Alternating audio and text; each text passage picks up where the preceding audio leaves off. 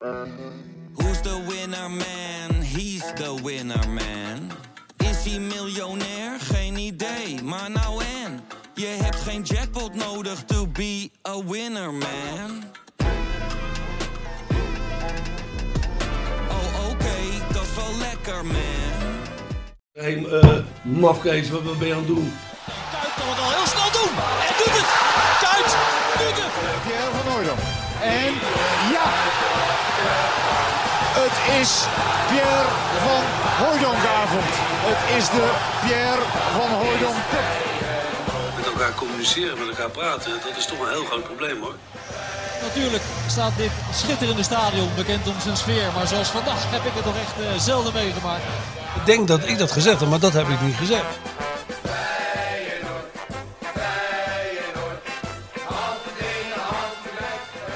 Aflevering 7 van de Dik voor elkaar podcast. En we vragen ons toch een beetje af hoe lang we hier nog mogen zitten aan, uh, aan de avenue de Corpot. Of de Corpot Allee Ja. in de huismeester. Want het blijven vervelende tijden. Ja, het, zijn, het worden hele sombere tijden.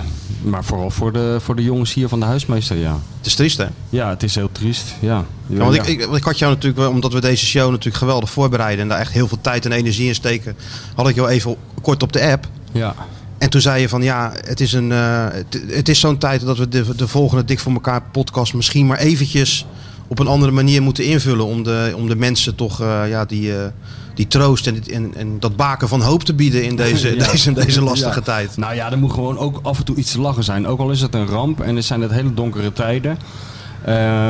Dacht ik van, wij kunnen ook wel weer de viroloog gaan uithangen hier in die podcast. Maar we kunnen het ook niet doen. We kunnen het ook over leuke en mooie dingen hebben. Af en toe. Dus eh, ik wilde ook voorstellen om een, een nieuwe rubriek gelijk in het leven te roepen. Daar is deze podcast voor bedoeld. Ja, toch? Ja, om nee. rubrieken te beginnen en ook gelijk weer af te schieten. Maar wat dacht jij van de rubriek nu even niet? Dat we het eventjes niet over de ellende hebben, niet over de corona-ellende, maar ook niet over de Feyenoord-ellende die er af en toe is. Maar gewoon eventjes de aandacht vestigen van eh, die honderdduizenden luisteraars van ons op iets moois. Of iets, eh, ja, iets waar je vrolijk van wordt eventjes. Ik, ik zelf merk, maar dat zei ik bij de vorige podcast al. Ik merk dus zelf dat ik daar wel behoefte aan heb. En ik, ik denk ook dat in deze tijd... Daarom is het ook zo jammer dat, dat, dat Feyenoord eh, straks weer zo lang zonder publiek moet spelen. Dat, eh, dat je gaat merken dat Feyenoord steeds belangrijker wordt voor mensen. Ja. Er, zijn, er, zijn ook, er zijn ook mensen die een heel zwart scenario schetsen. Die zeggen van... eh, je zal zien dat het publiek een beetje vervreemdt van de club en van het elftal. Maar ik denk dat het, en ik hoop ook... Ik verwacht ook een beetje dat het andersom zal zijn. Ja. Dat Feyenoord een steeds grotere rol gaat vervullen in het leven van mensen. Als inderdaad, eh, jij zegt het nou een beetje pathetisch, eh, baken van hoop. Maar wel als eh, die club en zo en dat hele gedoe eromheen. Wel een beetje als een hele fijne afleiding is. Eventjes, ik merk het aan mezelf ook. Ik vind het weer leuk om even bezig te zijn Ja, je met iets al, nergens over gaat. Al niet zeggen een nieuws verhaaltjes en berichtjes Ja. neem, je, neem je totje hè, in deze tijd. Ja. Ja. Hoe was je week verder? Ja, ook een beetje. Ja, het begon niet zo goed. Eh, wij waren volgens mij nog niet klaar met de podcast vorige keer. En toen moesten we het bericht lezen dat de Herman van der Graaf was overleden. En dat zal het grote publiek niet zo heel veel zeggen misschien. Maar de, de mensen die Feyenoord wat, eh, wat dichterbij volgen wel. Iemand die 50 jaar lid is geweest van de club. Het gezicht eigenlijk van Varkenoord altijd is geweest. Van de jeugd eh, academy, zoals je dat nou geloof ik noemt. Maar een, ja, een, een ouderwetse clubman, hè? Iemand die, eh, hij was secretaris, hij regelde alles, perfect. Hij was ook gastheer daar. Eh, maar echt een clubman zoals er nog maar weinig zijn. En eh Feyenoord heeft nog een paar van dat soort mensen. Die vind je het meest op Varkenoord. Ook wel rond het eerste elftal. Eh, Jan Mastenboek is zo iemand. Begeleidt die spelers. Peggy, de manager op Varkenoord. Dat zijn allemaal mensen die hun hele leven lang achter de schermen bij Feyenoord werken. En heel veel aan die club gegeven hebben. Eigenlijk een halve leven eigenlijk. Dus ja, dat, dat vond ik wel, daar schrok ik wel van. Dat zo iemand wegvalt. Wat valt met zo iemand ook heel veel kennis weg, hè? Dat is ook altijd wel triest. En eh, dat had je bijvoorbeeld ook met eh, Fred Blankenmeijer. Laat ik zijn naam maar gelijk noemen. Ja, daar hebben we dat weer gehad voor deze dat week. gehad. Nee, maar ik kan me nog Ja, nee. toen hij oud werd, toen, toen is Sjaak Troost een keer naar me toe gekomen. En die zei van, je moet hem eigenlijk gaan interviewen. Je zit toch elke dag op dat ko- kantoor koffie te drinken met hem. Je moet hem gewoon interviewen. En al die kennis die in dat hoofd zit, en niet in een computer, want hij had geen computer. Die, die zou je eigenlijk moeten, eh, vast moeten leggen. Want er gaat heel veel verloren. Het is net of er een bibliotheek in de fik vliegt.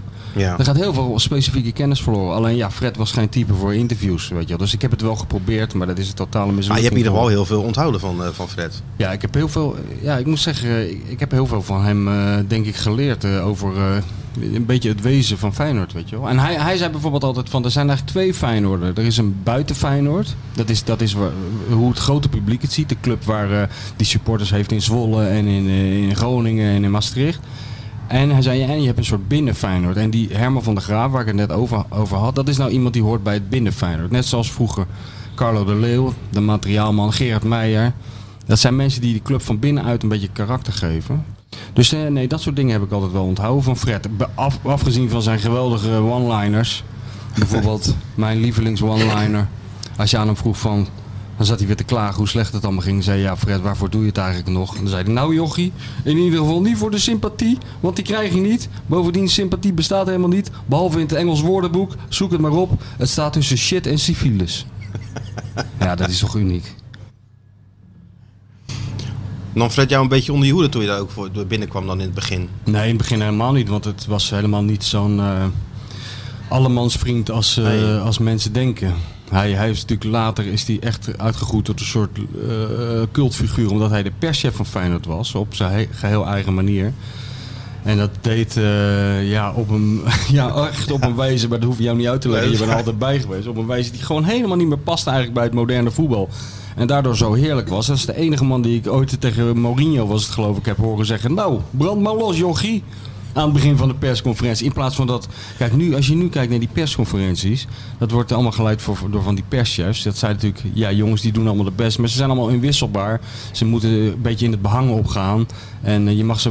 Ja, ze zorgen ervoor dat alles een beetje gestroomlijnd blijft gaan. Maar Fred helemaal niet. Die maakte gewoon. eh, die stond daar helemaal met zijn eigen persoonlijkheid.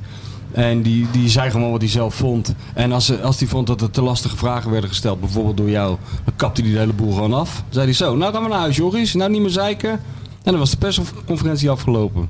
Het was een soort, eh, zo'n soort bovenmeester. hè? Als je wel eens een keer eh, ergens inliep wat niet mocht. Of uh, doordat Ja. je weer gezeikt bij die, eh, bij die autopoort. Dat je doorliep en dat het niet mocht. Nou, dat werd dan eh met Blanke mij gebeld. En dan moest je echt letterlijk even op het matje Ja. komen. Ja. Wat heb je nou weer gedaan, jongen? Nou, dan eh, een standje en dan, eh, weer, eh, dan weer verder. Nou, het was wel iemand die, eh, die de club en, en, en met name de mentaliteit van de club goed kende, de wortels van de club goed kende, weet je wel. Ja, want hij was zelf uit 1926, dus hij liep al zo lang mee, was vanaf zijn dertiende lid. En Jorien van der Herik heeft dat, dat is een van de mensen die, die dat altijd heeft eh, onderkend. Hij is vroeger, heeft hij in allerlei commissies en besturen gezeten. Hij is er ook vaak uitgegooid, omdat hij, ja, eh, niet, on- hoe moet ik zeggen, hij was ondiplomatiek. Hij had een, tong als een scheermes, weet je wel. En maar Jorien heeft toen onderkend dat hij ook gewoon eh, heel veel kennis had. En dat hij een soort eh, fundament was onder die club. En die heeft hem toen zo'n eretitel gegeven, senior manager. Senior manager. En een contract tot aan het eind van zijn leven. Ja. Ja. dat, is, dat is wel heel mooi. Senior manager, ja. Ja, dat was hij toch, senior manager? Ja, was senior manager, zeker was hij senior manager. ja, want Jorien heeft hem, die ging toen de grote schoonmaak doen bij Feyenoord. Dat moest, financieel ook. En die heeft hem toen ontslagen. En dezelfde middag weer aangenomen. Maar dan met een contract tot aan het eind van zijn En de leven. titel, eh, En de titel de senior, senior manager. Ja, die mocht hij zelf invullen. Dus eh, ja, en dat deed hij op zijn geheel eigen eh, wijze. Maar ik bedoel, ja, jij weet er ook alles van. Je hebt hem ook veel meegemaakt. Ik heb er zeker veel meegemaakt, ja. Zeker in het begin. Mhm. En dus ja, dat is ook wel een beetje de ja, personificatie van hoe dat eigenlijk inderdaad allemaal veranderd is. Hè? Want nu zit er Ja. een heel mediateam eh, team achter. En er worden bij, als er een nieuwe speler werd gepresenteerd, nou dat weet je vroeger nog wel. Ja, er werd gewoon een fotootje van John de Pater eh, Ja, gemaakt. als En, eh, kan en daar heb je hem, de nieuwe speler. Maar als je nu kijkt, dat is natuurlijk een hele... Ze maken nog net geen documentaire van 90 Ja. minuten over een, over een nieuwe voetballer die, die binnenkomt. Ja, ik Het is wel snel gegaan. Die, Ja, ik heb een beetje aan de basis gestaan van, althans van dat videogedeelte. Ja, het is allemaal jouw eh, nee, nee, nee, maar ik, heb, ik ben er wel een hand langer in geweest. Met Feyenoord TV natuurlijk, hè. Wat, eh, dat, dat was een idee van Chris Woers geweest. En daar was Feyenoord dan een van de, eh, ja, een van de een 103 ideeën. Wat, Nou wat ja, dat deze wel was goed heel was. typerend voor hem. Want we hebben het een paar podcasts geleden over hem gehad. Weet je wel, van, over de, die, die, die, die ideeënmachine die onder zijn hersenpan eh, huist. Maar Het was natuurlijk wel uniek dat. Kijk, hij had dat, dat de Club TV een beetje verzonnen, op een poten gezet. Maar hij was wel de eerste die bedacht dat toen Shinji Ono kwam. en hij erachter kwam dat hij constant werd gevolgd door 20 journalisten uit Japan. Ja, die hebben we allemaal Dat hij gezien. toen ons de opdracht ga- gaf om 25 afleveringen voor de Japanse tv te maken. Van 25 minuten alleen maar over Ono. Die daar helemaal geen zin in had trouwens. En ik had er zelf trouwens ook helemaal geen zin in. Maar dat hebben we toch gedaan. Het leverde nog wat op ook. Nou, het leverde heel veel geld voor de club op. Feyenoord heeft toen een, een, een fanshop in Tokio gehad. Die was geloof ik groter dan, eh, dan die hier in Rotterdam. En later is dat trucje herhaald in, eh, in Korea met die spelers. In, in Egypte. Dus dat was wel, wel grappig natuurlijk. Maar de nieuwe net opgerichte eh, rubriek nu even niet. Ja, nu even Ik niet. zie dat je een paar boeken hebt meegenomen. Ja. Die passen natuurlijk prima in, dit, eh, in het nieuwe format wat nou, misschien één, eh, één uitzending duurt. En wie Ja. weet komen we in de toekomst wel weer een keer ja, op ik terug. dacht Maar... van ik neem een paar boeken mee. Dan kunnen we de- ik neem er gewoon drie mee die, die mij heel erg aanspreken. Die kunnen we misschien even, even doornemen. Jij zal ze misschien ook wel kennen. Ja. Maar ik dacht nog iets anders. Want wij, ja, wij, wij zijn er toch een beetje om de mensen op te vrolijken. Zoals ja, je dat al is, zei. dat, is onze, dat is onze taak nu. Dus we moeten een beetje gaan hebben over humor en voetbal. Nou, dat is, en humor en Feyenoord. Humor en fijn. En dat is ook wel een combinatie die... eh, Dat is soms een hele lastige combinatie, vind ik. Maar soms ook wel een hele goeie. En ehm, ik, ja, ik, ik, moest, ik moest even denken aan mijn, ja, mijn lievelingsanekdote over Feyenoord. Eigenlijk het verhaal wat de hele club, eh, eh, inclusief alle complottheorieën die er altijd rond de club zijn en het gedrag helemaal eh, weergeven. En eh, dat kan ik nou wel gaan zitten oplepelen. Maar ik heb hem ooit een keer gekregen van Gerard Cox. ja, De, de voormalig columnist van de Feyenoordkrant. Dus eh, mijn voorstel zou zijn om, om even... dat we Gerard even bellen. Ja, even kijken of die wakker Ja, is. jij was inderdaad columnist van de, van de, van de Ja. Feyenoordkrant, hè En, Gerard? een, ja, en een hele controversiële en, en dus ook een hele goeie. Dus misschien moeten we hem eerst even bellen, want ik weet niet wat hij allemaal te doen heeft op zo'n dag. Laten we kijken of hij die, of die, die anekdote aan ons wil vertellen.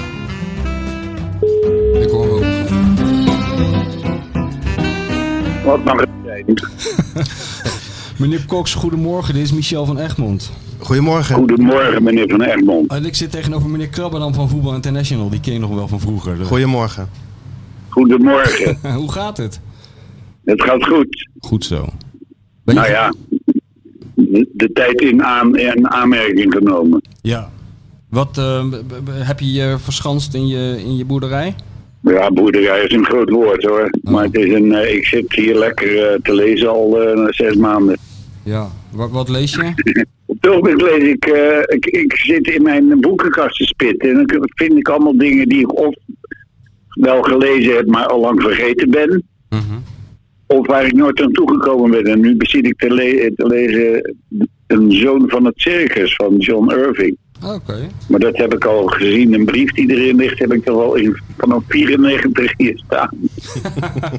Je bent alles aan het herlezen, dat is een goed idee. Dat past ook een beetje eigenlijk aan eh, wat, wat Martijn en ik aan het doen zijn. Want wij hadden het erover dat het een sombere tijd is en we er toch een beetje lichtheid in willen brengen. Eh, Ja. Dus wij, wij hebben het straks ook over boeken en zo. We, we gaan een beetje op zoek naar de mooie dingen van het leven en ook de mooie dingen van Feyenoord. En ik moest denken aan ja, wat mijn favoriete Feyenoord, Feyenoord anekdote aller tijden is. Eh, de anekdote over Gerard Kuppen. En die heb jij mij ooit verteld, 100.000 jaar geleden. En eh, ik kan hem wel navertellen, maar nooit zo goed als jij. Dus ik wilde je eigenlijk één ding vragen.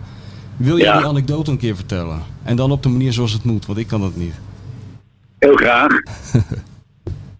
Nou, steek van, wang, steek van wal. Ja, eh, ik heb die, dat verhaal gehoord van Jan Linsen. Jan Linsen was een beroemde Feyenoord-speler. Die eh, tot op hoge leeftijd in Feyenoord 1 heeft gespeeld. Ik geloof tot, tot zijn 40ste. Dat was zeker voor die tijd onbegrijpelijk goed. Eh, ik, ik heb hem nog zien spelen in de jaren 40.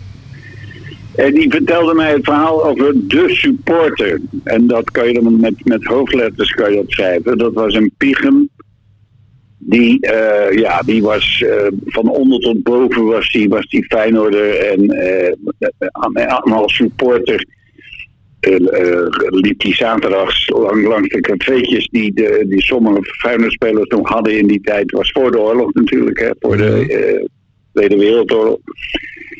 En dan vertelde hij hoe ze moesten spelen. En eh, als ze dan eh, zondagavond, dan, dan ging die weer die cafeetjes langs om, om te vertellen wat ze fout hadden gedaan. En dan hadden ze een keer verloren bijvoorbeeld. En dan zei Jan Linsen, en dan zei hij tegen mij... Ik riep nog naar voren, maar ja, dan laat je maar lullen. en deze man... eh, nou, en nou komt Gerard Kuppel om de hoek kijken. Dat was een bek, als ik mij niet vergis. Die heb ik nooit eh, gekend. En die Gerard Kuppen, dat was wat ze in die tijd noemden een clubspeler. Dat, dat was Jan Lins eigenlijk ook eigenlijk. Die werd dat, die werd dat dan nooit geselecteerd. Die waren heel goed, maar die werden nooit geselecteerd voor het Nederlands elftal. voor- Door een of andere reden. Mhm. Jan Lins heeft volgens mij één interland gespeeld tegen Nederlands-Indië. Hm. Ik weet niet waar dat geweest is. ik denk in het Olympisch Stadion. Maar ehm, die Gerard Cup, dat was dus een, maar die werd nooit geselecteerd. En daar was die supporter was daar heel boos over eigenlijk. Want eh, die vond het maar heel goed en dat was hij ook. Maar, maar verdomd, in, eh, hij wordt door de keuzecommissie, hè, je had toen nog een keuzecommissie Ja. werd hij geselecteerd voor de wedstrijd Nederland-België op 14 mei, 19 of laten we zeggen 20 mei 1940. Ja. Maar ja, helaas, eh 10 mei brak de oorlog uit. Met het gedoe eh, hè, bij de Maasbrugge. eh, Nederland is, of eh, Rotterdam is natuurlijk vijf dagen frontstad geweest. Ja. En, eh, ja, 14 mei werd de stad platgegooid, het centrum.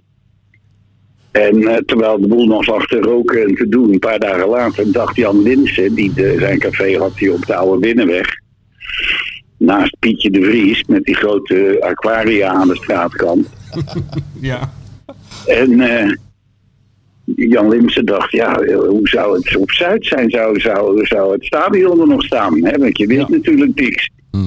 Zuid was geen, geen, geen bom gevallen, maar dat, dat kon hij niet weten. Dus, maar hij moest aan de andere kant van de Maas zien te komen. Nou, de Maastunnel was toen nog niet open. De bruggen die waren natuurlijk bezet. Maar hij weet een bootje te charteren. En eh, na veel vijf en zes komt hij aan de andere kant van de Maas op Zuid aan. Precies aan het begin van de Oranje Boomstraat. De weg naar het stadion toe, zeg maar, van daaraf. En hij eh, stapt op de kant. En wie komt daar aanlopen? Die beroemde supporter. En die zegt tegen Jan Linsen: Heb Gerard een pech? Dan wordt hij eindelijk een keertje gekozen en dan hebben we dit weer. Ja. En toen wees hij om zich heen alsof het geregend had. Ja. nou, Gerard, bedankt. Ik had het niet beter kunnen doen. Waarom is dit nou goed. waarom is dit nou zo'n typische Feyenoord-anekdote? Kan jij dat nou eens uitleggen? Waarom, waarom... Ja, omdat het, het is natuurlijk, ja, het- een aantal van die mensen, en dat, dat, dat zijn best leuke mensen. Hoewel, maar goed, ehm, ja, die, die zijn van, bezeten van dat Feyenoord. Ja. En ik heb dat in zekere zin ook gehad. Ik woonde op de, op de Kleiweg. Eh, was ik gaan wonen begin jaren 70. En dan stond mijn televisie stond in een kast. eh, midden in de kamer. Mhm. Maar dan ging ik eh, bij uh, Europa Cup wedstrijden of Feyenoord Ajax, zo, ging ik achter die kast staan. Zodat ik het niet kon zien. Maar dan zag ik het wel weer in de, in de, in de ruitweerspiegel.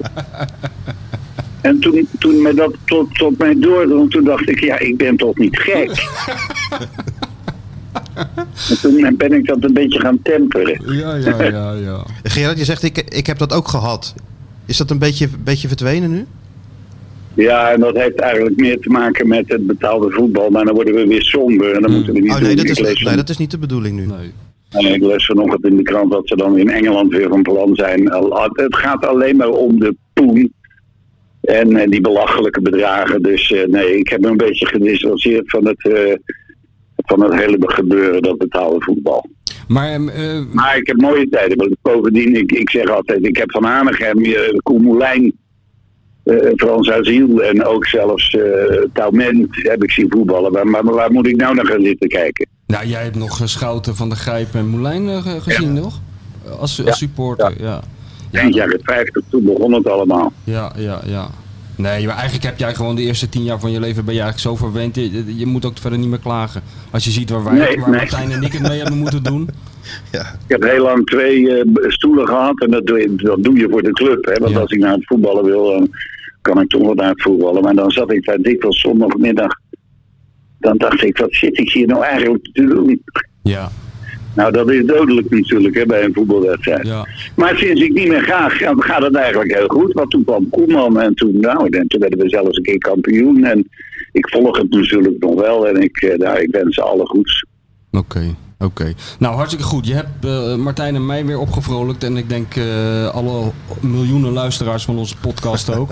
dus daar wil ik, je, Hartstikke daar wil ik je nog een keer voor bedanken, Gerard. Bedankt Gerard. Oké, niks te danken. Oké, tot snel. Tot kijk, bye bye. Ja, dit is goed hè. Ja, hoe dat, eh, hoe dat ook kan gaan met je liefde voor Feyenoord, hè? Dat je dus het ene moment eh, in je leven achter de tv gaat staan, omdat het allemaal zo aangrijpt. En ik heb hem ook als columnist echt wel eh, woedend gezien op de club en zo, weet je wel, dat het hem echt wat deed. En dat er toch zo'n verwijdering kan ontstaan. Nou, toch nog steeds wel een beetje hoor. Dat gaat er natuurlijk nooit nee, helemaal gaat er nooit uit. helemaal uit. Nee, En maar hoe- ik denk dat hij gewoon eh, iets heeft gehad eh, van eh, ik wil me er niet meer aan ergeren en ik heb, ik heb genoeg aan mijn herinnering. Hij, heeft natuurlijk ook, hij was natuurlijk ook in bepaalde periodes ook wel dik met spelers volgens mij. Je hebt heel veel foto's van hem met Van Hanegem in allerlei eh, hoedanigheden. Dus. Is ook zo. Maar vind je dat geen goed verhaal? Ik vind het een heel goed verhaal. dat, dat, dat, dat, Calimero-achtige gedoe van dat je denkt dat het bombardement dus eigenlijk alleen maar is uitgevoerd om Gerard Kuppen uit Oranje te houden. Dat is toch heel goed? Hij maakte nog wel een mooi, mooi bruggetje, Gerard. Hij was in zijn boekenkast aan het kijken, was aan, het aan herlezen. En jij hebt nou even die boeken meegenomen Hmm. Hè? Als, als, als, als, tip voor de, eh, voor de, voor de mensen. eh, hoe noemden we hem ook alweer? Wat zei ik nou net? Nou, die rubriek nu even niet. Ja, de rubriek nu even niet. Ja. Dus ik dacht, eh, dan neem ik even drie boeken mee. Nou, zullen we gelijk met de allerbeste beginnen? Ja, dat is Dus voor mij ook de allerbeste. Ja, toch? Hugo Borst, de Koolsingel bleef leeg. We gaan hem een keer uitnodigen, hè, Hugo? Ja, we gaan hem uitstekken nog. Ik heb hem al uitgenodigd, maar ik heb nog niks gehoord. Dan zal hij nog wel druk zijn. Daaronder staat het klassieke boek over Feyenoord. Nou, daar, is geen woord aan gelogen. Er is Hugo Borst eh, die in eh, 1996 is het, 95, ja, 96, 95, 96. de club volgt. Eh, begint met, aan, eh, Jori- met de mededeling aan Jorien van der Herik dat hij dat van plan is. En dan zegt Jorien, nou ik vind het allemaal best, maar je krijgt geen privileges. En vervolgens lees je het hele boek lang hoeveel privileges Hugo van Jorien krijgt. En eh, ja, ik, het is zo'n ontzettend goed boek, vind ik. Omdat het is natuurlijk sowieso heel elegant geschreven. Want Hugo heeft een hele mooie stijl, vind ik. Maar het is, wat ik er zo goed aan vind, maar ik ben- ben benieuwd wat jij ervan vindt. Maar wat ik er zo goed aan vind, is dat het is, het is in, eh, geschreven door een insider. Dat merk, merk je heel erg. De eerste keer volgens mij in Nederland dat iemand met zo'n toon van binnenuit de kleedkamer eh, schrijft. Over de goede, maar ook over de slechte dingen. Maar het is ook eh, van een afstand beschreven, beschouwend beschreven. En dat vind ik zo knap. Het is zowel van binnenuit goed gedaan als van, als van een grote afstand beschouwend en een beetje analytisch over de club. Het is ook veel meer dan een schets van dat ene seizoen. Het is echt een schets van, vind, vind ik, van de, van de club. Van de club. Ik weet nog dat ik dit boek toen in één, in één ruk had uitgelezen. Toen was Ja. ik denk 21 of zo, toen dit, toen dit eh, uitkwam. Mhm. 1,22. Want dit, dit, dit had je nog niet inderdaad in, eh, in Nee. Nederland. Alsof je er zelf bij zat bij die... eh, nu Ja. later hoor je natuurlijk wel hoe dat een beetje in zijn gang... eh, hoe een beetje in zijn werk is gegaan.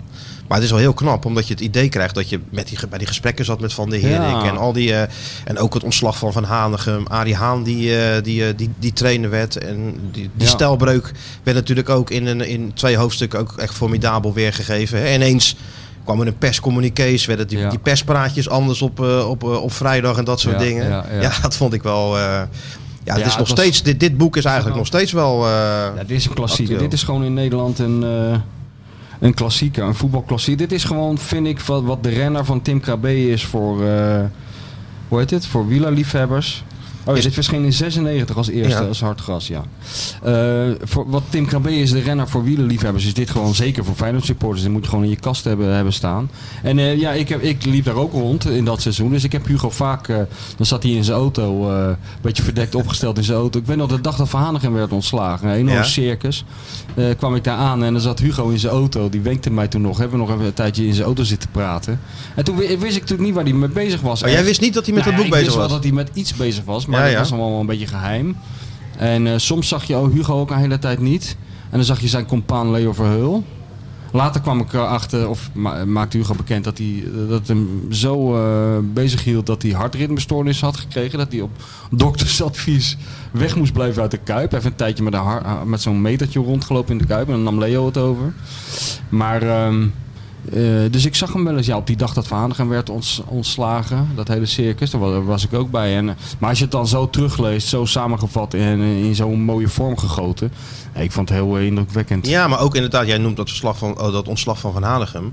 Daar werd ik ook wel weer, weergegeven en duidelijk gemaakt welke spelers daar nou Ja. enorme voorstander van waren. Ja. En wie er eh, echt letterlijk bij, eh, bij moesten huilen. Nee, daarom was het zo goed, omdat het ook het doorbrak ook dat romantische eh, idee van heel veel mensen. Tuurlijk. Die zagen natuurlijk eh, die gasten op elkaar liggen na een doel. En die dachten dat het allemaal vrienden waren. Maar wat bleek nou? Het waren helemaal niet allemaal vrienden. Sterker nog, eh, na het ontslag van Van Hanegem scheelde het weinig of we hadden een enorme knokpartij in de, Ja. in de kleedkamer. Er zijn spelers natuurlijk weggehouden om... eh, Nou, Ja, ik ben erbij geweest dat, eh, nou we het hierover hebben, dat dit boek uitkwam en in het spelershome werd neergelegd.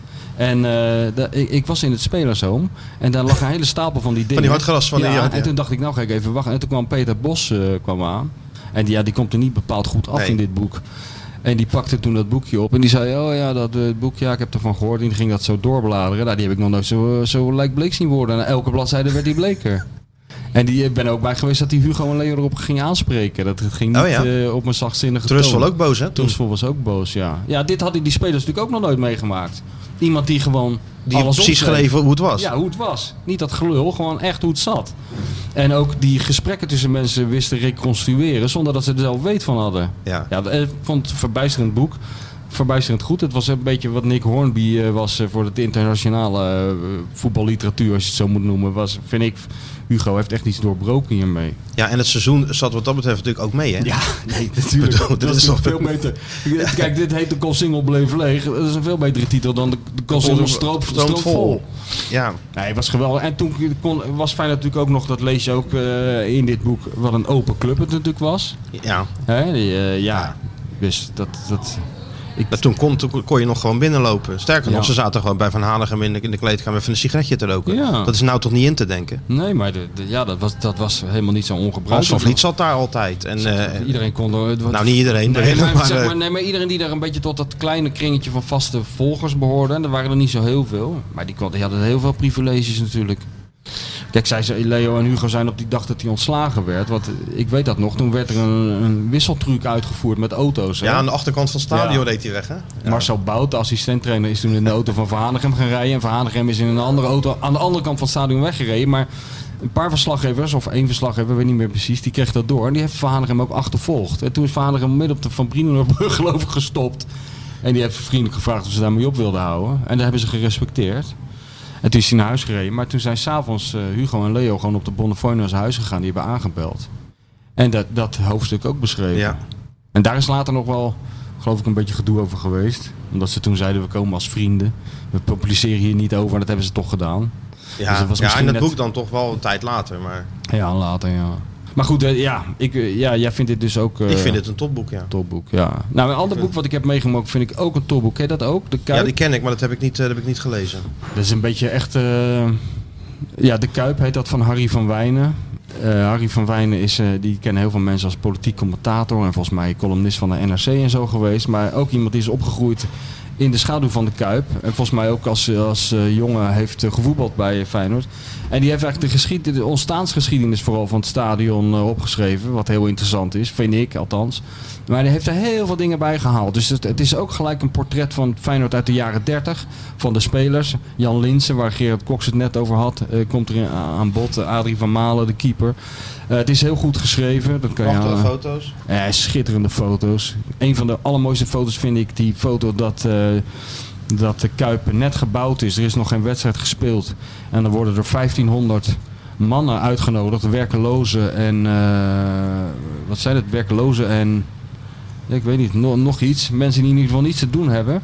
En die moeten met z'n allen op het s- vak achter het doel gaan staan. En op, op het bevel van iemand van de marine die erbij staat... moeten ze met z'n allen gaan juichen. Om te kijken of de Kuip dat juichen kan houden. En als het dan krijgen ze een borrel en een sigaar. Schitterende foto is dat. Ja. Nou, dat juichen heeft hij wel gehouden. Ja. Ik zit hem even te zoeken, die foto. want- Hij, hij moet ergens aan het begin staan Ja, volgens mij, als hij in dit boek staat. Volgens mij. Ja, en er zijn hele mooie de- foto's van, van, van eigenlijk eh, de Kuip half af. We zien zo'n akker en dan eh, zo'n karkas van een stadion verrijzen. Je het al een beetje. Ja. Maar heeft, eh, dit is een beetje wel het standaard eh, boek, denk ik, over, over het stadion.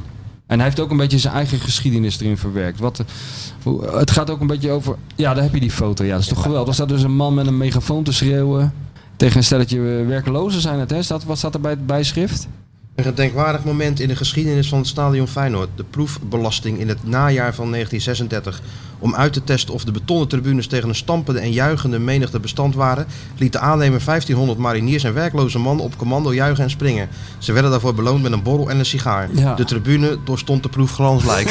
Ja, Ja, de, vraag is ook wat ze hadden gekregen als, het, Als ze doorheen waren gezakt. Ja, als ze doorheen waren gezakt. Nou ja, dat is een beetje geschiedenis. Als je nou maar het derde boek wat ik Maar zou deze nog te krijgen zijn, denk je, nee, voor de maar nou niet. Want, niet want in jij komt nu met boeken en dan moeten ze waarschijnlijk bij een antiquaire... Nee, dan moet je naar boekwinkeltjes.nl en daar vind je allemaal dit soort boeken. En anders moet je gewoon, eh, weet ik veel hoe je eraan komt. Dan moet ik daar ook nog eh, zorg voor dragen. Nou, nee, nee, maar we, zelf meegenomen. we zijn het, we hebben natuurlijk wel een rubriek waar we de mensen ook echt aan die boeken willen helpen. Dus ja, niet dat ze gewoon 400 euro bij een, een of andere Nee, antiquaire moeten neerleggen Nee, nee, om dit te kunnen worden juist steeds eh, gewoon naar de slechte of naar boekwinkeltjes.nl. Dan Dat vind is je juist die wel te vinden. En deze derde die ik heb meegenomen, die ligt nog wel in de winkel. Eh, dan, maar dan gaan we helemaal terug in de tijd, in, naar de oertijd. Er zijn niet veel mensen in geïnteresseerd hoor. Nee. Maar, eh, Maar Jan ik, Oudaarde wel. ik hoor al aan jouw stem dat jij, dat jij het ook allemaal gelul vindt. Nee, ik vind het helemaal geen gelul. Ik vind het, dat, dat moet bij elke club natuurlijk Ja, wel worden, precies. worden vastgelegd, Ja. die, eh, die, die oertijd. Ja. Ja, Jan, Jan is daar natuurlijk eh, een meester in. En het mooie is dat hij nog steeds in de Kuip zit. Hè? Elke twee weken. Ja, nu dan even niet vanwege die... eh, Ja, met Die- een die ma- die maatregelen, op. Ja, Alsof ja. hij nog elke week eh, wordt opgesteld. Ja, Jan Oudenaar is een beetje de Lou de Jong van Feyenoord aan het worden. Die is dus met deze serie begonnen. Dit is zijn levenswerk volgens mij. Die, is, eh, die heeft al die archieven is die afgegaan. Die heeft al die oude kranten Ja. door zitten pluizen. Ja, hier staat de geschiedenis van Feyenoord. De ontstaansgeschiedenis ver, ver achter de komma in vermeld. Dat moet je allemaal maar net interesseren hoor. Maar het is wel een, eh, je ziet wel dat dit, dit is niet in een, in een zaterdagmiddag in elkaar gezet. Nee. En Nee, ik vind dat ook wat jij zegt, eh, dit eh, eh, een beetje zichzelf respecterende club. heeft dat gewoon... Die heeft dit. Of heeft mensen die dat ook inderdaad willen doen. Ja. Nou, hoe vond, mooi? je, hoe vond je de eerste editie van de rubriek, hoe heet die ook alweer? Nu even niet. Nu even niet.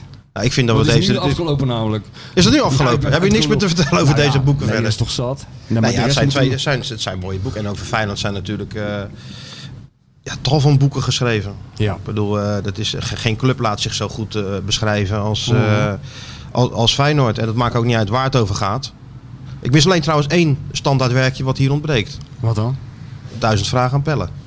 ja, maar die hebben we vorige Wat? keer. Misschien moeten we die gewoon wekelijks even één vraag, Één vraag één vraag eruit halen. eruit halen en even citeren. Dat jij dat op, maar dan moet je ook. Maar jij vindt het dus niet in dit erbij. rijtje, vind jij dat dus niet, dat standaardwerk, vind jij, daar, vind jij daar hier niet tussen we- passen? Eh, dit is eigenlijk meer een soort eh, aanleiding om het vooral over onze eigen boeken te gaan hebben, inderdaad. Misschien moeten we dat gewoon volgende keer doen. Alleen nog over, over onze eigen boeken. Nee, ja, duizend vragen aan pellen. Alleen die titel vind ik al heel goed. En Ah, het ja. idee. Het idee kwam van, eh, van Pelle zelf. Dat nog En het mooiste. het, wat dat ik van jou vorige keer hoorde, dat het dus heeft- gewoon heeft betekend dat je 24 keer heerlijk Italiaans hebt zitten lunchen met die gek. En 40 keer heb afgerekend tot woede van, eh, van de maestro zelf. Ja.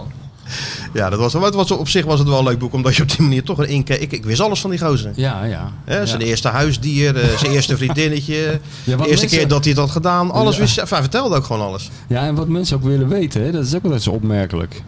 Ze willen alles weten. Ze, willen gewoon alles weten. Van de favoriete kleur tot zijn eerste auto. Tot, Ja, eh, ja, ja, hè, tot hoe zijn school heette. Tot, eh. En dat, dat, ja, dat, het mooie aan Pelle was dat hij dus ook gewoon de tijd nam om dat uitgebreid over te, over, ja, over, te vertellen. Ja, had er geen hekel aan om over zichzelf te praten. Hij had er, in tegenstelling tot heel veel spelers, had hij er geen hekel aan. Nee, het was eerder een hobby. Nee, maar dat vind ik wel leuk. Ik heb er met de- toen in het begin, toen ik bij de Feyenoordkrant werkte, ook over verbaasd. Van hoe groot de, de honger is nou ook maar het kleinste snippertje informatie over Feyenoord. Dan ging ik mee met zo'n trainingskamp naar Argentinië of zo. Maar dan was ik wel in mijn eentje. Dus moest, was eigenlijk wel de bedoeling dat ik die gewoon die hele krant vol schreef, 24 pagina's. Nou, daar zag ik altijd als een berg tegenop. Want ik dacht van, ja, wat moet je er in godsnaam over vertellen over die gasten? Maar als ik dan een lijst afdrukte met eh, bijvoorbeeld, eh, ik zeg maar iets, eh, de kamerindeling. Wie lag bij wie op de kamer? En ik vo- voegde daar nog twee regeltjes aan- toe. Dan was dat waarschijnlijk het best gelezen artikel. En toen was er nog geen internet. Dan had je nog geen internet. En maar mensen vinden, vonden dat ook gewoon heel interessant. Weet je wel? Natuurlijk. Bus Feyenoord komt bij stadion. Ja, Voor het filmpje. En dan, eh, van, ja. ja. Rijmond gaat altijd iets eerder om die bus te kunnen filmen Ja. als, die, als die bus aankomt. Dan kijken ze of iedereen wel uitstapt. Ja. Vaak is dat ook wel zo. Ja, goed is dat, hè? Maar goed, mensen willen dat natuurlijk gewoon. eh, wel- welk hotelverblijf Feyenoord? Ja, ja. el- in Marbella elk jaar hetzelfde. Los Monteros. En in Belek, hoe heet dat ook alweer? Eh, Ja, de, Naast Titanic. Titanic. Je had de. Titanic. Ja, wat had je daar La- allemaal, joh? Lara, nog iets. Ja, Ze hadden verschrikkelijk. verschrikkelijke, dat waren echt, dat waren de verschrikkelijke trainingskampen. Maar dat, dat is, ja, dat willen mensen gewoon graag, eh, graag, eh, graag weten van de club. Wat Ja. is nou het mooiste boek wat jij over Feyenoord hebt geschreven? Ik denk gewoon Snor van Kypris. Ja, dat is ook eigenlijk eh, de enige echte boek wat... Ja, nee, dat, dat, dat, zijn, dat is een verzameling van wat ik mijn beste... Of best gelukte Feyenoord verhalen vind, ja, in, in al die Die tijd. overal had gepubliceerd. Ja. Tenminste, bij ons had gepubliceerd. maar ja, die heb je wel gebundeld. Ja, die heb ik gebundeld, ja. Dus ja, eigenlijk van alles wat. De enige, de, de enige eh, rode draad die erin zit is dat ze over Feyenoord gaan met z'n allen. Al die verhalen. En de rest gaat, schiet het helemaal door de tijd. En, eh, ja, ja, ja, ja. Ja. Ik, ik heb het... eh, ja, maar soms had je... Ja, omdat je soms... In de, als je die club eh, zo'n tijdje volgt, ja, dan kom je gewoon soms verhalen tegen. Ja, die schreeuwen er gewoon om om eh, gemaakt te worden. En vaak ook over supporters, hè. Dat blijft toch altijd... eh, ja, het blijft mij altijd fascineren. Eh, die, Wat de supporters? Ja, de supporters, de verbondenheid tussen de supporters, hoe ver ze gaan in hun liefde voor Feyenoord. Eh, ja, wat Gerard nou net vertelt, weet je wel. Gewoon een intelligente, belezen man, ex-onderwijzer, gaat achter de tv staan als Feyenoord speelt. Ja, wat, wat- noem mij maar één ding in de wereld wat ervoor zorgt dat, dat iemand zich zo gaat gedragen. Dat is gewoon voetbal of sport. En in dit geval Feyenoord. En dat heeft me altijd gefascineerd. En ik zag van de week bijvoorbeeld... eh, een fotootje wat Van Bronckhorst had getwitterd uit China. Met die eh gozer met dat Berghuis-shirt. Ja, die werd geïnterviewd door een Chinese journalist en die had een Berghuis-shirt aan. Ja, met Berghuis in het Chinees. In het achterop. Chinees achterop. Maar ik, heb, toen, toen kreeg, ik kreeg dan allemaal van, van die flashbacks, weet je wel.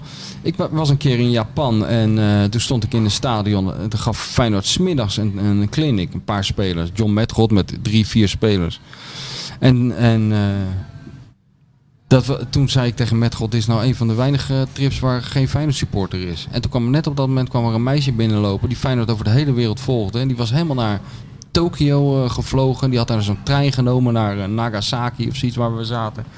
Die had zich helemaal te pletten gereisd. En toen ik mijn verbazing daarover uitsprak, toen ik zei, wat doe jij nou hier? Toen zei ze, ja hoezo? Ik ben er toch altijd? Weet je wel, alsof... Dat is de normaalste zaak van de wereld. Alsof ik was. gek was. Maar die, eh, die kwam dus later met een, een Japanse jongen aan die ze daar had ontmoet. Die stond in dat hele lege stadion ook op de tribune. En die was ook helemaal gek van Feyenoord. Er was gewoon een Japanner. Die was nog nooit buiten Japan geweest. Maar die had dus een tik van Feyenoord gekregen. En die wist alles. Die, die, die, die gozer kwam naar mij toe, die sprak Engels ook. Die had een Feyenoord shirt aan en een Feyenoord sjaal om. En die vroeg, het eerste wat hij vroeg van... eh, hoe doet de Graafland het bij Excelsior? Echt, midden in Japan. En die was helemaal, zijn droom, die was, die was al jaren aan het sparen om een keer naar de Kuip te gaan. Dus ja, dat is wel mooi toch aan Feyenoord, wat, hoe, hoe dat leeft. Ja, hoe dat leeft, zelfs tot, tot in Oman. En dan dacht je toch van, nou, er zullen wel geen, geen Feyenoord supporters Ja. zijn. Nou, daar kwam ook een hele groep eh, ja, voor de tenniskamp waar ze één wedstrijd speelden tegen een Ja, soort ja. veredeld amateurteam. En dat werd dan 0-0. Ik geloof niet dat, Dat ik was het- zo verschrikkelijk slecht, die wedstrijd. Dit, dat is denk ik de aller, aller, aller slechtste wedstrijd die ik ooit van Feyenoord heb gezien. Dat was tegen een paar eh, bij elkaar geraapte Omani. Mhm. Die hebben ze dan de shirt aangetrokken. En die moesten dan tegen het Feyenoord Mario Been was trainen. En die wedstrijd eindigde in 0-0. En toen zei Mario na afloop... Nou, we hebben in ieder geval niks weggegeven. En had hij wel aanknopingspunten gezien. Ga je nog or- oranje kijken? Nou, nee joh. Ik, echt, nou, ik, ik zet het wel weer aan. Ik, maar ik ga dat niet tot 90 minuten volhouden. Nee. Ik geef ze steeds minder krediet om. Ja joh, maar daar wordt toch helemaal gek van. Ja, maar Ja, echt. Ik kan er niet meer tegen dat. dat we hebben eh, toch wel. Kijk, wij doen natuurlijk een, een iets andere podcast eh, deze week... om Ja. de mensen natuurlijk een beetje, eh, een beetje te bovenop te helpen. Maar er zijn wel wat vragen binnengekomen. Ja. En één, één vraag is hoe, het, hoe toch die moeizame relatie eh, bestaat tussen Feyenoord en Oranje. Ja, Het is nooit echt warm geweest. Hè? Dat heb ik ook als eh, een beetje het idee. Dat Oranje, ja, ja, er werd wel eens iemand geselecteerd. Maar nooit dat, dat, dat Rotterdam er nou zo warm voor liep. Nee, helemaal niet. Maar ja, misschien omdat... eh, ja, ik weet het niet. Dat weet ik eigenlijk niet. hoor. Maar misschien omdat de Oranje lang gedomineerd is door Ajax-spelers. Of bepaalde periodes gedomineerd is door Ajax-spelers. Ja, dan, dan vervreemd je snel van een bepaald deel van het publiek in Rotterdam natuurlijk. En eh indachtig de complot-anekdote van Gerard die eh, eh, Cox net heeft verteld. Nou, toen, toen is het eigenlijk allemaal begonnen. Toen kregen we al die. De, is toch een beetje het begin ook van het Calimero-complex, wat er misschien toch wel is. Hè? En, het, en het idee van we horen er toch niet bij en we worden onterecht niet. onze spelers worden niet geselecteerd. Berghuis speelt niet, dat is een schande. Nou ja, dat, dat, dat was ook zo Dat is ook trouwens. zo. En datzelfde geldt voor Bijlo eigenlijk. Maar goed, eh, jij weet er eigenlijk veel meer van. Want jij bent niet alleen een ongelofelijke expert op Feyenoord gebied. Maar ook bij Oranje ontgaat jou helemaal niets. Nee, Want jij zit er bovenop. ik zit er bovenop, Zelfs alleen nu even niet. volg jij. Nee, Jong Oranje heb ik wel jarenlang gevolgd. Dat was in de Ah. tijd met Cor Potters bondscoach. Mhm. Dus dat was, eh, dat maakte het nou nog, Dat, eh, nog, dat, nog dat was meer leuk. cabaret dan... Dat maakte, dat maakte het dubbel leuk, ja, om die ploeg te volgen. ja. Dus maar nee, wat goed, denk ik jij ben, dan dat het, wat, wat het is tussen Oranje en Feyenoord? Die moeizame... Nou, inderdaad, dat Feyenoord toch het gevoel heeft dat veel spelers vaak werden genegeerd. Hè, dat die het wel in, in goed genoeg waren, maar dat, dat de bondscoach dan liever toch iemand van... eh, dat is natuurlijk ook gewoon zo. Hmm. Ook als je kijkt naar het, eh, naar het verleden. Kijk, Van Gaal had er wel meer maning aan. Die stelde gewoon Martens Indy op. Die Ja. stelde gewoon eh, De Vrij op. Die haalde Klaasie erbij. Ja, dan maakt het voor de mensen binnen Feyenoord en misschien ook in, in Rotterdam de omstreken natuurlijk veel leuker om naar te kijken. Ja. Want nergens merk je dat, we hebben natuurlijk heel, al nu nou bijna al, al 40 minuten over, die, ehm, ja, die verbondenheid met zo'n club is natuurlijk nergens zo sterk als hier. Nee. Kijk, Ajax supporters heb je door heel het land, eh, PSV supporters heb je in Brabant, ook nog wel een paar plukjes eh, door het land, maar eh, dit- dit- ja, die echte verbondenheid. ja. Want ik ben natuurlijk ook vaak bij PSV geweest, vaak bij, eh, bij, bij Ajax Ja. geweest. En dat is toch gewoon anders. Ja, het, is, ja, dat- het is gewoon moeilijk te, te, te, te, te omvatten of te Het beschrijven. is allemaal net iets heftiger Ja. gewoon. In eh, zowel een goede als een slechte zin. Maar Dat heb ik trouwens ook al eens een keer gezegd. Dus die Sjoerd- zou Sjoerd er ook in principe uit kunnen knippen. Maar Als zou in feite alles eruit kunnen knippen als hij niet op zijn telefoon zit te kijken. Ja, die zit gewoon te is- kijken of die Skieten, Oh, hij is het werk. of die Skieten Willy podcast al begint. Dan kan hij daar oreren over PSV. Maar ga jij deze week weer tutteren met Timmer of eh, wie is het nou gewoon eh, Björn? Ik denk gewoon Björn. Ah, Oké, Het zou ja, voor nee. iedereen beter zijn, toch? Als Ik ga dat ook doen trouwens. Dat ik af Ga je en toe gewoon-? Nou, dat sowieso. Maar ook dat ik gewoon af en toe even niet op kon dagen. Dat vind ik wel... En dat ik met, met, eh, met, eh, ja, met, Met, hier met, zit. met Dizzy, met Dizzy een goed gesprek over, eh, over Bijlo hebben. Ik denk niet dat veel mensen het verschil zullen merken. Nou, ik ben wel blij dat, dat als die interlands achter de rug zijn dat we, dat, en als het mag, want het mag, dat er gewoon de competitie weer hervat wordt. Hebben we toch Ja. ook gewoon weer, wat jij zegt, het, iets om naar uit te kijken. Ja. Fijn, Feyenoord Sparta. Ja. Het is wel eens in de lege kuip, maar ja, we tellen onze zegeningen maar eventjes in, nou, in, in, ik denk in echt deze dat tijd. het, eh, zeker, dat worden, eh, stel dat het voetbal niet door zou gaan op zondag op die tv op Fox. Dat worden hele lege zondagen voor mensen. Als je, nergens, je, kan niet, je kan niet tutteren en je kan geen voetbal kijken. Ja, wat moet je dan? dan, dan, eh, Voordat je het wat ga je dan doen? Je een gesprek voeren. Zo gaat het dan, hè, dit soort discussies. Ja, ik weet niet. Ik vind het wel... ehm, ik, ik, ja, hoe, hoewel eigenlijk de ambiance een ramp is, gewoon verheug ik me toch wel weer op uh, Feyenoord Ik ook. Ik ook. We zien we gewoon dik weer lekker aan het werk. Ja, en ik ben ook wel weer benieuwd hoe ze, hoe ze die tijd door, doorstaan hebben. Dat, dat is Ah, toch ze, hebben- ze, hebben de tijd, ze hebben de, om het toch ook nog een beetje een linkje te maken naar de actualiteit. Ze zijn natuurlijk niet, eh, ze hebben natuurlijk niet niks gedaan vorige week, want Dick is met, eh, met, met de Brady Buns naar, eh, naar Genk gegaan. Om daar een wedstrijdje te spelen tegen, tegen Racing Genk. Oh ja. Ja, 1-1. met de Brady Bunch. 1-1, ja, wel al veel jonge spelers had hij allemaal bij zich. Maar toch ook wel uh, Linsen weer in de spits. Oh ja. Teixeira 80 minuten. Ehm, Dat is wel het beste nieuws misschien nog. ja, Teixeira 80 minuten. Dus je kunt ervan uitgaan dat, eh dat Linsen gewoon spits blijft van Feyenoord voorlopig. Ja. Jurkensen eh, die traint alweer volop mee. Maar die heeft even pech nu. Die, kun, die kan naast, naast Dick in de koud gaan, uh, gaan zitten. Want Linsen is er niet ontevreden over hoe hij het invult. Teixeira 80 minuten. Dus dat gaat ook weer steeds beter. Die jongen heeft natuurlijk een achterstand in te halen. Dus die wordt uh, fysiek sterker. De, meer inhoud, et cetera. Nou ja, je kent die terminologie. Die kan je natuurlijk zelf wel bij verzinnen. Uh, had niet gespeeld. Uh, dat last van, uh, van zijn voet, de onderkant van zijn voet. Maar dat gaat ook weer goed. Dus die traint ook weer volop mee. Senesi een helftje. Die had last van een, van een spiertje. Maar dat is geen probleem voor die wedstrijd tegen, tegen Sparta. En Christian Conte heeft een helftje gespeeld. Het fenomeen Christian Conte, die eigenlijk nog niemand heeft gezien. Die gekomen is van St. Pauli. En waarvan ze nu al de bijna Rocketman hebben verzonnen. Omdat hij zo verschrikkelijk snel is. Maar of hij kan voetballen weten ze nog niet. Man. Rocketman. Maar of hij kan voetballen weten ze nog niet. Maar hij is wel verschrikkelijk snel. Nou, die verhalen waren het. Uh, de, Ja, van reputatie was hem al vooruitgesneld. Maar nu heeft hij het ook in de wedstrijd laten zien dat hij verschrikkelijk snel is. Rocketman. Maar ook, hoe lang heeft hij gespeeld? Een helftje. En nou, een helft wist nog niemand of hij kon voetballen. Wel dat hij heel snel was. Dus ik ben heel benieuwd hoe dat. Uh, maar goed, volgens advocaat zou dat wel eens een wapen kunnen zijn als hij ook iets met een bal kan. Het zou Dan- een wapen, heeft hij dat letterlijk zo gezegd? Het zou wel eens een wapen kunnen Het zijn. zou een hij wapen kunnen zijn, maar dan moeten ze nog wat in training, want hij heeft natuurlijk ook niet heel veel getraind. Dus ze moeten hem nog een wat, eh, wat verder ontde- ontdekken. Sinister is op de weg terug. Malaysia, maar, eh, Malaysia iemand- een helftje gespeeld. Ja, maar iemand heeft die jongen toch gezien voordat hij gekocht werd. Er zat er wel ergens op een papier, op een bierveeltje staan. Eh, hij, deze, is, nee, deze is door Arnissen gehaald. En Ja. ik heb hem natuurlijk op YouTube wel bekeken. En dan had hij echt één geweldige actie namens St. Pauli. Ik geloof tegen... ehm, was dat nou? Welke ploeg eh, die zijn gepromoveerd? Bielefeld geloof ik. Maakte die een geweldige goal. Dus op snelheid, een actie, Hmm. schiet de goal. Nou ja, ik denk als hij dat gewoon eh, tien keer in Nederland doet, dan... eh, maar ja, Maar hij heeft het een beetje blessuretjes. Hij heeft het pas één keer gedaan op, op die beelden. Dus dit is bewijs dat hij het kan. Alleen nu moeten we even afwachten of Rocketman het ook gewoon in... Dat is ook wel goed. Wij- we proberen toch een beetje de humor erin te, te houden, ondanks alles. Die bijnamen in Rotterdam, ook rond Feyenoord, die, die zijn ook goed, hè? ja, dat zijn Rocketman bijnamen. vind ik Rocketman. Vind ik goed. En eh, wat had je nog meer? eh, wat heb je allemaal gehad? Klenkwi-drama. in plaats van Klenkwi-drama. Dat soort dingen allemaal. El Dramadi. El Dramadi, ja. was in de tijd dat het, eh, dat het nog niet zo goed ging. Ook en dat die spelers, dat, dat Sjaak Troost werd toen commercieel directeur. Die mocht toen de, de clubkleding uitzoeken, want eh Sjaak had smaak.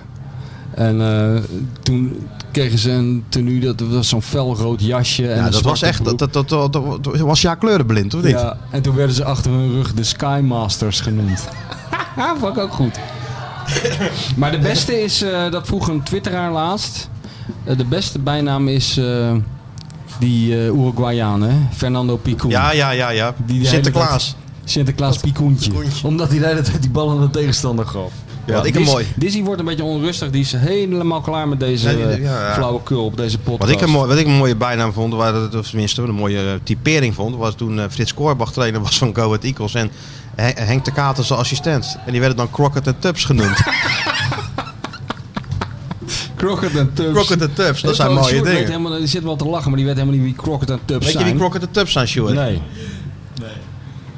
Nou, dat is ook niet uit te leggen. Gaan we ook niet uitleggen. Dat is niet leuk als je een Hoe oud grap ben jij nou. Stuart? 24. Dus eh, geboren in, toen dit, toen dit boek uitkwam. 95. Ja, 95. Toen het boek uitkwam. Dus hoeveel kampioenschappen van Feyenoord heb jij bewust meegemaakt, Stuart? Twee. Nou, dat is eigenlijk best. Welke dan? 99. Ja, toen was je vier. Wat weet jij nou nog van 99 toen je vier was? Nee, die- Oh, teruggekeken. Ja. Ja, ja je, was, je leefde in ieder geval toen. eh, En die van, eh, en die van, eh, van 2017. Dat was natuurlijk jouw finest moment, of niet? Of mogen we niet zeggen dat jij een Feyenoord supporter bent? Want dan kan je de Skeeter Willy podcast niet meer overnemen natuurlijk. Ik ben neutraal. Oh, je bent neutraal. Oh ja. Hoe oud ben jij? 45. 45, ja. Dus ik heb er nog iets meer meegemaakt. Maar niet heel veel meer. Nee, nee, dan moet je wel heel oud worden, wil je een eh, indrukwekkend lijstje maken. We Wat gaan, je- we gaan een nieuwe week in. Hè? Ja, we, we gaan een nieuwe week in. Ja, ik, ik, ik ben benieuwd waar we volgende week zitten. Ik, ik vrees dat we ja, de huismeester... eh, Dat, Eventjes denk jij dat eh, de Corpot alleen hermetisch wordt afgesloten nu? Dat alle... ja. Ja, ik weet het niet. Maar ja, laten we maar afwachten. We zijn nog één heel belangrijk ding vergeten. Namelijk dat we vorige keer een schitterend kunstwerk hebben gekregen. je hebt Eh, helemaal in, gelijk. eh, Waar hangt dat ding eigenlijk? Nou, het, hang- in de- het hangt niet, want het, hij is in, in principe niet van mij. Dus ik heb hem gewoon in de lijst met Ja, bescherming maar je kan hem toch wel even ophangen gewoon? Nee, nee, nee. Dit- hij is gewoon voor de hoogste bieder. En godzijdank hebben we biedingen We hebben binnen. biedingen, we hebben biedingen binnen. de e-mail. Je hebt er een speciaal e-mail Ik heb een speciaal e-mailadres voor aangemaakt. Dik voor elkaar aan elkaar VI. Dus dik voor elkaar VI. Met dik met CK, uiteraard. Dik met CK. Ja, wat is, het is wat.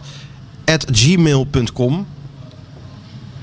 Nou, en dan moeten mensen gewoon Want ja, dat ding. Het ik moest dus- een e-mailadres aanmaken, maar dat is ook, niet, ook geen sinecure, kan ik je zeggen. Alle wat je er allemaal voor in moet vullen en zo. Ja. Wilde dat niet doen. Die zei, je doet het maar lekker zelf. Ja, ja. je, gaat maar, wel- je gaat je er maar Dat een was beetje na in die verdiepen. PSV-podcast dat hij dat zei waarschijnlijk. Sterolures, hè?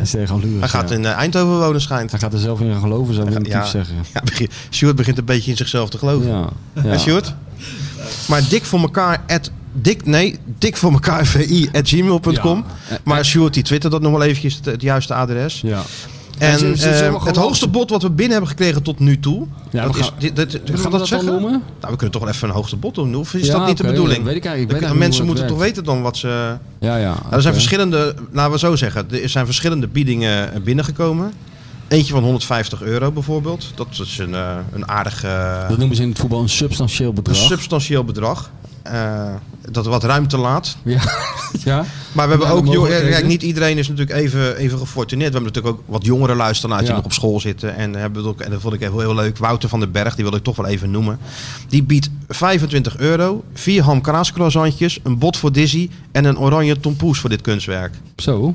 Dat, dat, dat begint al een dilemma te worden nu, deze twee biedingen. Want Ja, dat is niet het is niet alleen maar, hè. je kunt natuurlijk zo, zo Dus gek de- maken als je zelf wil. Ja, dus zullen we afspreken dat we de, de mensen nog een week de tijd geven om hier eh, over deze twee geweldige biedingen heen te gaan. Ja.